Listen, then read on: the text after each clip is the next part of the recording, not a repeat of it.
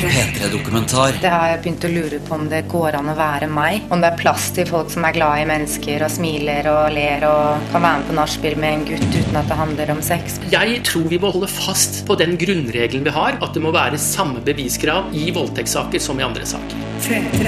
Voldtatt og henlagt. En P3-dokumentar om nok en voldtekt som aldri havnet i retten.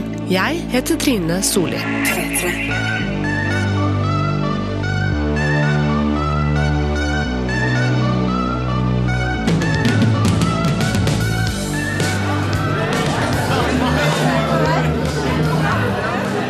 Jeg hadde vært på fest og endte på byen like før det, kanskje bare en halvtime før det stengte.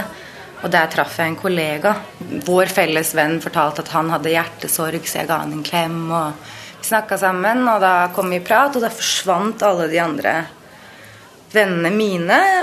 Og jeg bodde på Furuset, så det ble dyrt med taxi hjem. Og siden vi hadde det så hyggelig, så inviterte han meg til å sove over på et ekstrarom han hadde hjemme hos seg. Det tenkte jeg var hyggelig, for da kunne vi fortsette å prate.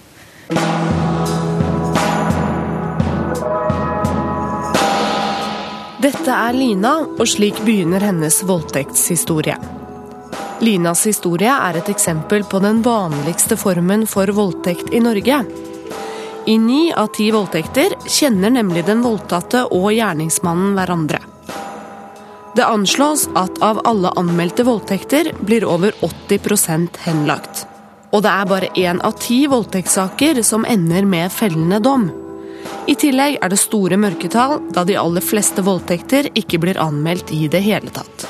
Jeg blir eh, like lei meg hver gang, eh, og spesielt i disse alvorlige sakene, og spesielt hvor det er altså barn involvert, eller gruppevoldtekt, eller andre alvorlige ting.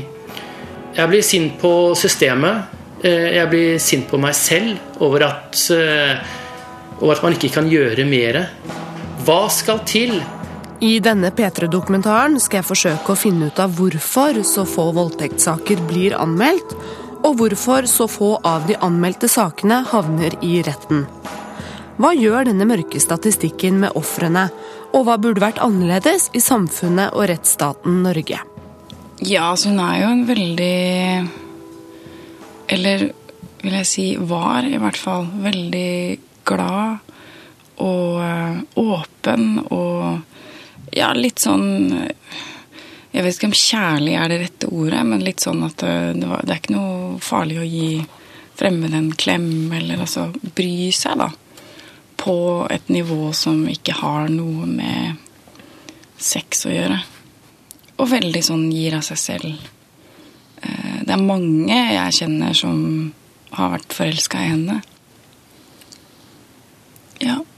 Det der med å Kanskje hun var litt naiv, da på en måte. På en god måte, liksom. Slik beskrives Lina av en av hennes venninner. Lina er 31 år, vever og smiler bredt med øyne som bærer preg av å ha grått mye det siste året. Han var jo en venn. Altså, vi, jo, vi hadde en god tone. Um, ja.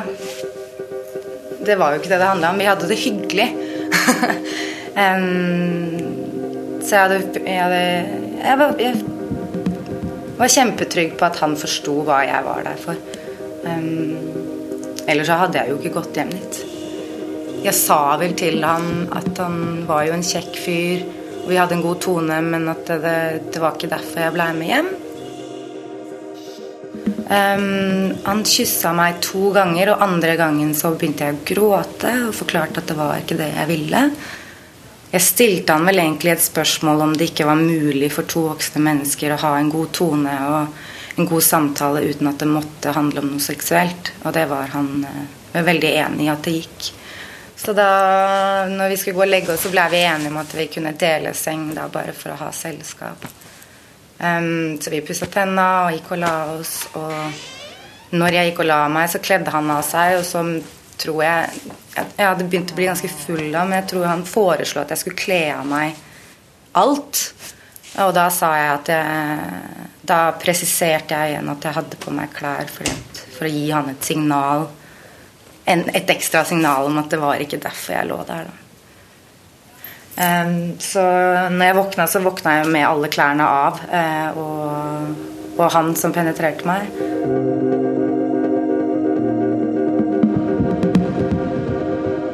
Um, jeg husker at jeg våkna til at jeg først trodde at jeg var sammen med kjæresten min. Og så på en måte Så på en måte var det, var det noe som ikke stemte i rommet og følelsen. Uh, og jo mer våken jeg blei, jo mer skjønte jeg at det var jo ikke kjæresten min som var der, det var han. Jeg hoppa ut av senga og sparka han og skreik. For han hadde jo ikke noe der å gjøre. um, jeg var kjempes, det var liksom sinne og skuffelse på en gang i, i sjokk. Når jeg innså at jeg var naken da, um, og, og, ikke visste hvor klærne mine var, så skrek jeg til han at han måtte hjelpe meg å finne klærne mine. Og han på en måte fulgte etter meg og prøvde verbalt å liksom overtale meg til ting og til å bli. Og... Hva sa han da? Uh, nei, han, han fortsatte bare og jeg tror på flere forskjellige måter få fram at han ikke hadde gjort noe galt, eller at han ikke var en overgriper. Og, øh, og jeg, jeg syns det var så rart, for jeg hadde jo ikke, hadde jo ikke nevnt det ordet i det hele tatt. Eh, og jeg tror jeg skreik ganske høyt til han til slutt at det handla vel Det spilte ingen rolle om han var en overgriper eller ikke, men han hadde jo brutt en avtale, og jeg hadde stolt på han.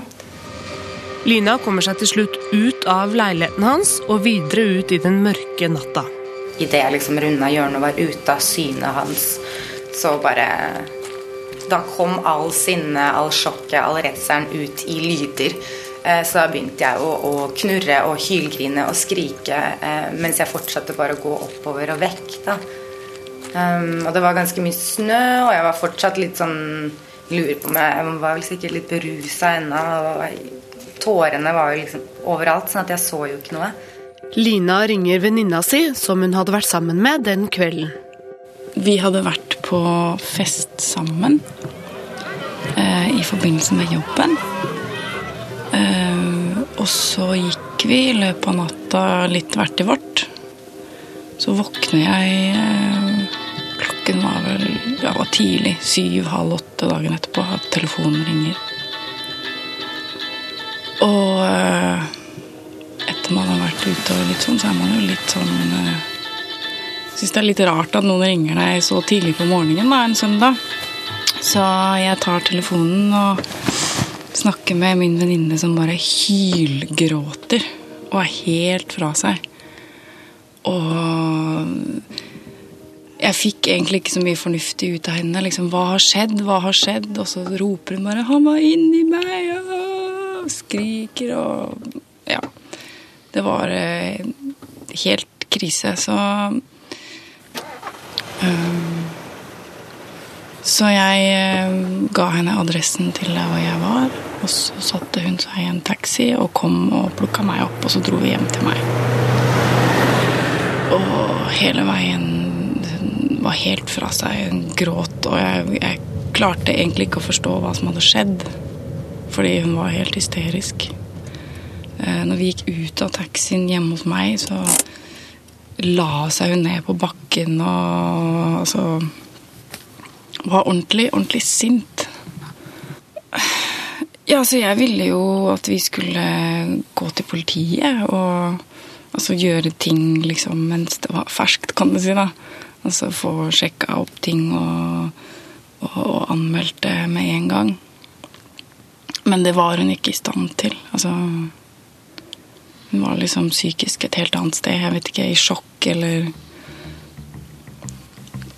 Hvordan man skal beskrive Senere denne dagen går Lina på jobb og forsøker etter beste evne å bagatellisere hendelsen. Men hun er veldig forvirra, forsøker å finne ut hva som egentlig skjedde, og hvorfor hun våknet av å bli penetrert. På kvelden har hun og han følgende maildialog på Facebook. Um, tror du jeg noen gang kan få igjen genseren min? Og bare så du vet det, så hater jeg deg ikke, hvis, skulle, hvis du skulle være bekymra for det. Litt uklart hvordan jeg egentlig føler rundt det hele, men det har nå i hvert fall roa seg fra første sjokket nå. Litt skuffa, selvsagt. Rimelig sleipt av deg var det, men føler meg nå verken skitten eller ødelagt. Så da kan man anta at det ikke var min undergang. Tenkte du kanskje ville sette pris på å høre det, ettersom det var noe dramatikk rundt avslutninga i dag morges. Og vi trenger seriøst ikke å snakke noe mer om det. Jeg er så utrolig glad for å høre fra deg. Har hatt det helt jævlig og føler meg som en dritt. Jeg er så jævlig lei meg. Håper du kan tilgi meg en gang. Det er ingenting som kan rettferdiggjøre det jeg gjorde. Trodde du var våken og med på det, men så var jeg i halvsøvne og litt pussa sjøl. Men likevel, vi hadde en avtale, og du stolte på meg. Jeg kommer til å skamme meg ut i evigheten. Men Lina er ikke så ferdig med det som hun gir uttrykk for. Sa jeg ferdig, trodde jeg. Mer lost vil jeg si nå. Ikke at det er ditt problem, men nå gjør jeg, til, gjør jeg det til det, da. Sorry, men seriøst. Jeg skjønner ikke helt hva som skjedde den kvelden, og jeg vet ikke helt hvor jeg, hvor jeg skal gjøre av alle de forvirra følelsene mine, så du får dem. Kanskje fordi jeg synes du skylder meg såpass. Men det er bare en unnskyldning for å dekke over hjelpeløsheten. Jeg vet ikke helt hvorfor jeg sender denne mailen, annet enn at jeg håper du kan bidra med noen fornuftige ord. Hei, Lina. Så leit du har det sånn. Det er vel ganske naturlig, egentlig. Kanskje vi skulle møtes og prate om det? Så kan vi snakke ut om det som hendte, eller bare henge. Du kan høre min side av saken. Hvis du synes det er en dårlig idé, ikke har lyst til å se meg eller prate om det, så kan jeg skrive noen ord istedenfor. Jeg tror jeg aller helst vil møtes. Jeg er jo rimelig fleksibel, så kanskje du vil foreslå tid og sted. Det setter jeg pris på. For meg passer det best i kveld. Ha torsdagspils med gutta i morgen og reise på fjellet i helgen. Hva med Terdis i 20-tida? Det er soft. Vi ses. Den angivelige voldtektsmannen har via Linas advokat fått tilbud om å uttale seg i denne dokumentaren, men han har ikke svart på henvendelsen. Nå skal vi pause historien til Lina et lite øyeblikk, for jeg syns det er litt rart at hun har lyst til å møte han igjen. Kanskje er det fordi Linas kollega ikke stemmer overens med vår forestilling om hvem voldtektsmannen er? Jeg leser om den såkalte idealforestillingen om voldtektsmannen i boka Bak lukkede dører, en bok om voldtekt. Og oppsøker medforfatter og voldtektsforsker Anne Bitz. Hei. Hei. Omsider.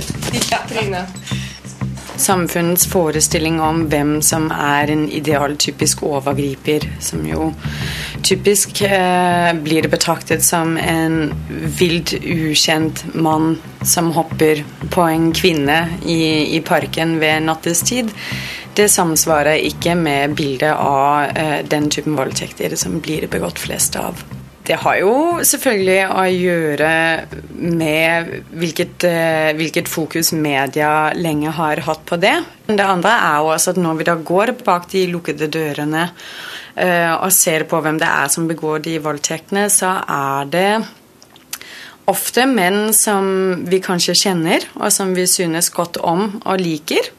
Og når det er dette bildet av voldtektsmannen som en syk person så står det i så sterk kontrast til en, en kompis som man også er glad i. Det er jo en, en forsvarsmekanisme vi som samfunn og enkeltindivider har.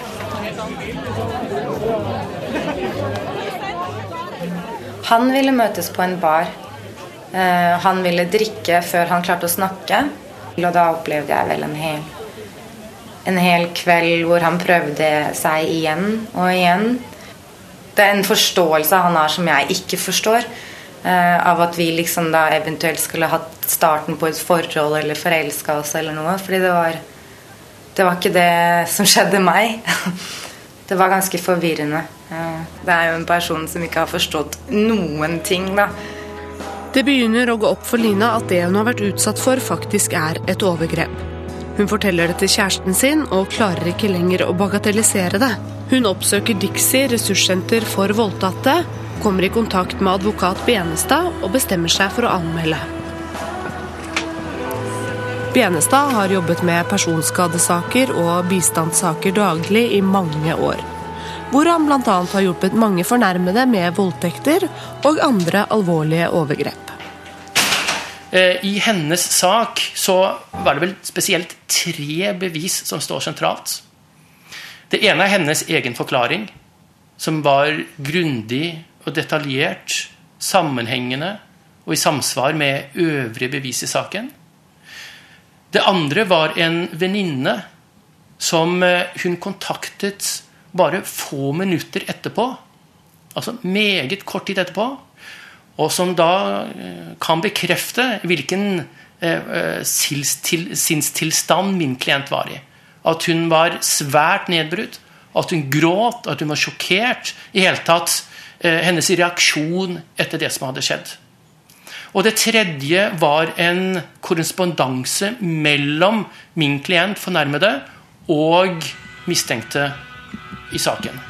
Den nå mistenkte tidligere kollegaen, venninna til Lina og Lina blir kalt inn til hvert sitt avhør.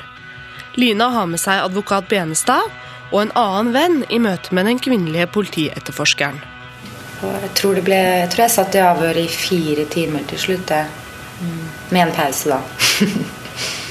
I avhøret må Lina fortelle alt hun husker i detalj, og tegne planløsning over leiligheten til den mistenkte. Deretter kommer en tredjepart med oppfølgingsspørsmål. Ja, Det ene av de var jo et uh, konkret uh, spørsmål på hva jeg hadde gjort i søvne. Ja, om jeg f.eks. hadde stønna. Det er jo på en måte en ganske latterlig formulering da, uh, å gi til noen som har opplevd det de faktisk har opplevd. Hvis du tror på de. Så jeg har sittet i et fire timers avhør hvor jeg virkelig har gitt alle detaljer jeg kan, og alle ubehagelige detaljer som du egentlig ikke har lyst til å dele eller lyst til å snakke om. Så gjør politiet, politiadvokat og statsadvokat selvfølgelig sin jobb så godt de kan, og vurderer bevisene. Men vi er jo flere personer og det er klart at Vi kan jo selvfølgelig ha en forskjellig vurdering av de bevisene. Og dessverre i denne saken, politiadvokaten og statsadvokaten var ikke enige med meg og mente dessverre da at bevisene ikke holdt. Jeg trodde at det skulle tas ut en tiltale. Det er min egen vurdering av de bevisene når jeg ser spesielt dette vitnet, og spesielt denne korrespondansen hvor han ber om unnskyldning osv., så, ehm, så mener jeg at det bør være nok for å ta tiltale. Statsadvokaten har gjennomgått sakens dokumenter og kommet til at strafferettens strenge beviskrav ikke er oppfylt. En kan heller ikke se at det kan foretas ytterligere etterforskning som er egnet til å endre denne vurderingen. For ordens skyld tillegges at det resultat statsadvokaten har kommet til, ikke innebærer at en er tilsidesatt fornærmedes forklaring som usann eller uriktig. Det avgjørende er at det i dette tilfellet ikke er mulig å føre tilstrekkelig bevis for at det er fornærmedes versjon av hendelsesforløpet som er riktig. På det tidspunktet så har, jo, har prosessen gått i nesten et år. Det blir jo henlagt fordi at jeg ikke blir trodd. Fordi at jeg ikke blir trodd noe mer eller mindre enn han. Eh, selv om jeg har bevis de ser at det egentlig skjedde noe her, men deres hender er bundet av lovparagrafer og system. Hvor du i en såpass komplisert eller kompleks sak kanskje kan ha godt av å se personene involverte og se få hele situasjonen vekk fra papiret, da, bort på menneskene. For det er mye enklere å avskrive meg som utrolig dum før du har møtt meg. da. Hvor strenge bevis, altså hvor strenge krav er det til bevis? For å få en sak til retten når det gjelder sånne saker i Norge.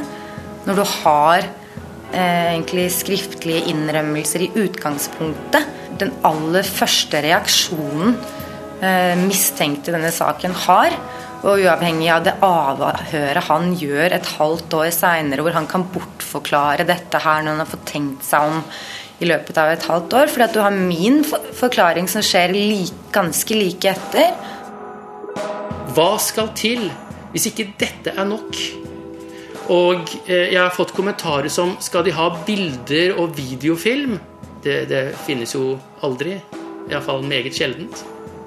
Så det er et meget godt spørsmål. Eh, juridisk sett er jo svaret eh, det skal mye til. Det skal være, si, ikke være tvil om at det har skjedd hvis vi ser på dommer i denne saken, så ser vi jo at bevisene er forskjellige i saker. Noen saker er det mindre bevis og likevel kan føre til domfellelse. Og i andre saker så er det si, vant etter bevis med f.eks. kanskje DNA-spor eller andre ting. Det er altså ren tilfeldighet som gjør at Linas sak ble henlagt. Andre jurister hadde kanskje vurdert det annerledes. Og hadde etterforskerne funnet tilstrekkelig bevis for at han, den tidligere mistenkte kollegaen, visste hva han gjorde da han hadde samleie med Lina uten hennes samtykke, kunne også det ført til rettssak. Men siden Lina er et såkalt uverdig offer, kunne hun i retten komme til å få en annen behandling enn de såkalt verdige ofrene. De blir i hvert fall utsatt for en helt annerledes type utspørring i retten. Det omtales annerledes i media enn etnisk norske kvinner som blir utsatt for overfallsvoldtekt av eh, minoritetsnordmenn. Så det er ikke noen tvil om at overgriperens etnisitet eh, offerets eh, sosiale status har uhyre mye å si for i, i hvilken grad de får samfunnets sympati. La oss si da at Linas sak endte i retten. Hva hadde ventet henne da? Det vet Anne Bitz litt om. Hun har overvært 15 slike rettssaker i arbeidet med boka Bak lukkede dører. Dessverre så ser vi med nettopp denne typen saker som du snakker om her, at ofrene ofte venter en stund med å anmelde. Eh, med å oppsøke lege eller voldtektsmottak. Eh, og det kan brukes i retten som Eh, et bevis på at man nok ikke egentlig har blitt voldtatt, for man har eh, ikke reagert fort nok. Det eksisterer da en, en forestilling om eh, at har du blitt utsatt for noe så alvorlig som en voldtekt, men da reagerer, reagerer man kjapt. Jeg vil si at man må belage seg på å få mange kritiske spørsmål. Uh, og det må man belage seg på både fra forsvarer uh, og også fra statsadvokaten. Så du skal ikke tro, hvis du anmelder en voldtekt, at statsadvokaten er din venn. Du er et vitne i en sak. Det er ikke din sak. Det er staten eh, som har bevisbyrden, eller du kan si statsadvokaten på vegne av staten og alle oss andre. Og Det betyr at du er et vitne som blir utspurt som, som alle mulige andre. da.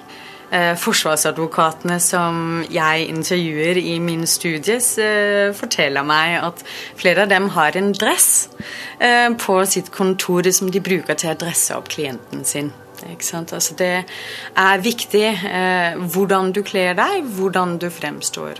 Du kan ikke kle deg for, for jålete eller utfordrende i retten heller. Jeg ser at mange av ofrene kler seg i, i, hvitt, så det er viktig å fremstå som uskyldig. Eh, og det er viktig å fremstå som om man er helt, helt ødelagt, kan du si. Hvorfor Men, er det så viktig? Det har jo igjen å gjøre med denne forståelsen som veldig mange har av at en voldtekt er noe som må ødelegger deg for livet. Og det stemmer ofte ikke helt overens med hvordan ofrene selv opplever det. Eh, man vil aller helst eh, se svake, nedbrutte kvinner som da er ødelagt for livet, kan du si. Det er det som er vår forestilling om hva som er et verdig offer.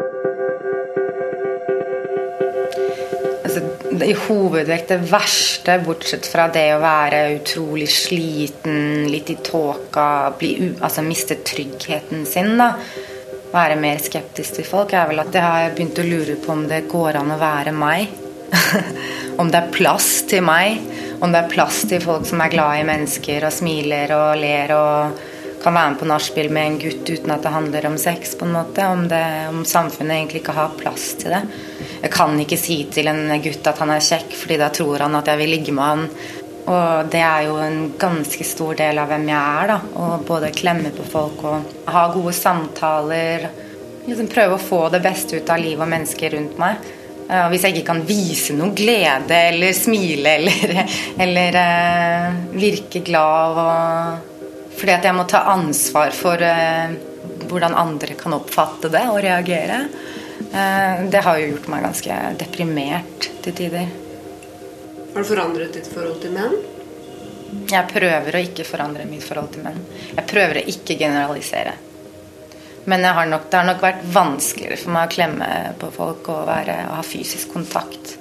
Jeg hadde, når kjæresten min var, eh, besøkte meg i september-oktober, så sleit vi og Der sleit jeg med å sove ved siden av han. Ja, Noen ganger våkna jeg opp om natta hvor jeg hadde slått han eh, eller eh, sparka han. En gang så hadde jeg trampa på han midt i skrittet. Stakkars. Har du gjort noe med sexlivet ditt, da? Ja, vi hadde jo nesten ikke sex. Altså, vi, når vi hadde sex og jeg klarte å legge det vekk, så var det veldig fint. Eh, fordi at det var jo kjæresten min. Men når vi var ferdig så begynte jeg alltid å gråte, da.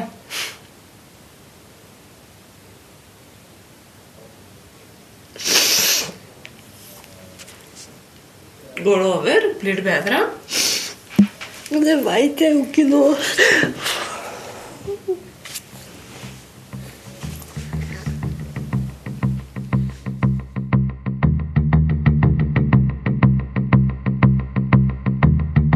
Problemet med voldtektssaker er at det er vanskelig å få tak i tilstrekkelig bevis.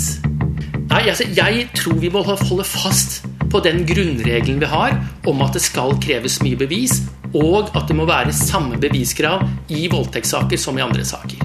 Jeg, jeg kan ikke si noe annet, det mener jeg. Men jeg tror problemet ligger på et annet plan. Denne type alvorlige straffesaker må behandles raskt av politiet.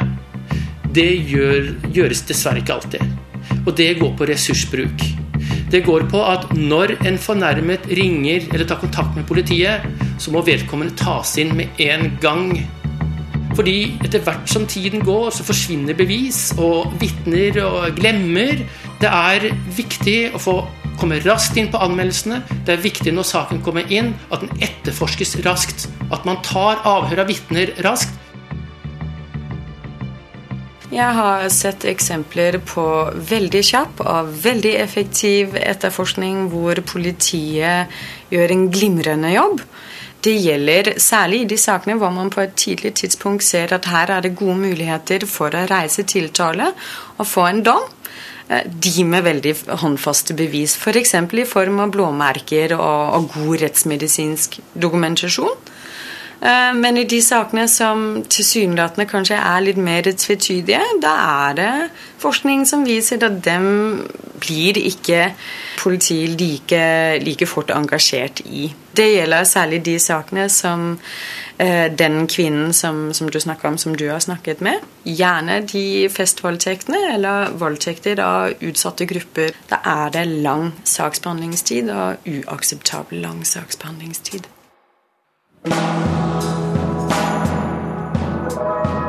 Det er grunn til å være optimistisk. Bevisstheten rundt voldtekt er større, og aldri før har så mange anmeldt voldtekt. Likevel er det skremmende mye som gjenstår, og jeg spør hva som skal til for at vi i fremtiden unngår at mellom 8 og 16 000 jenter utsettes for voldtekt eller voldtektsforsøk hvert år. Advokat Benestad, som jobber for ofrene hver eneste dag, er overbevist om at informasjon kan være nøkkelen. Informasjon til fornærmede, informasjon til menn. Og det går på grensesetting. Det går på hva som faktisk er straffbart. Jeg er ganske sikker på at ganske mange norske menn, unge menn, ikke vet om alle forhold som faktisk er straffbart etter straffeloven på det seksuelle området. F.eks. Altså under seksuell handling. Det kan være noe så enkelt som en brosjyre som informerer om at hvis du er utsatt for overgrep, får du gratis veiledning, støtte og advokathjelp. Tenk deg den uh, dattera som er utsatt for incest. Eller uh, jenta som har vært på fest og blitt uh, voldtatt etterpå. Sitter her stummende mørke. Tør ikke prate med noen. Ikke foreldre, ikke lærere, ikke venninner, kanskje venninner. Ikke. Sitter der helt aleine. Og da kunne få en brosjyre med informasjon stukket i hånden. Tenk hvor mange vi kan redde. Og redder vi én, så har det vært hele kampen. Én person. For de som har møtt personer og hørt hvordan de lider og hvor tøft de har det, redder du én person, så har det vært alt arbeidet. Alle pengene, alt arbeidet. Én person.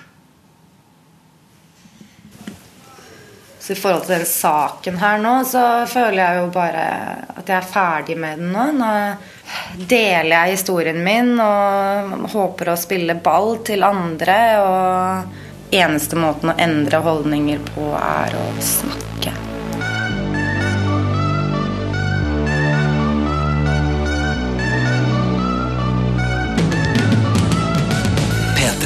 P3-dokumentar søndag klokka ni på P3 og når du vil på p3.no. P3.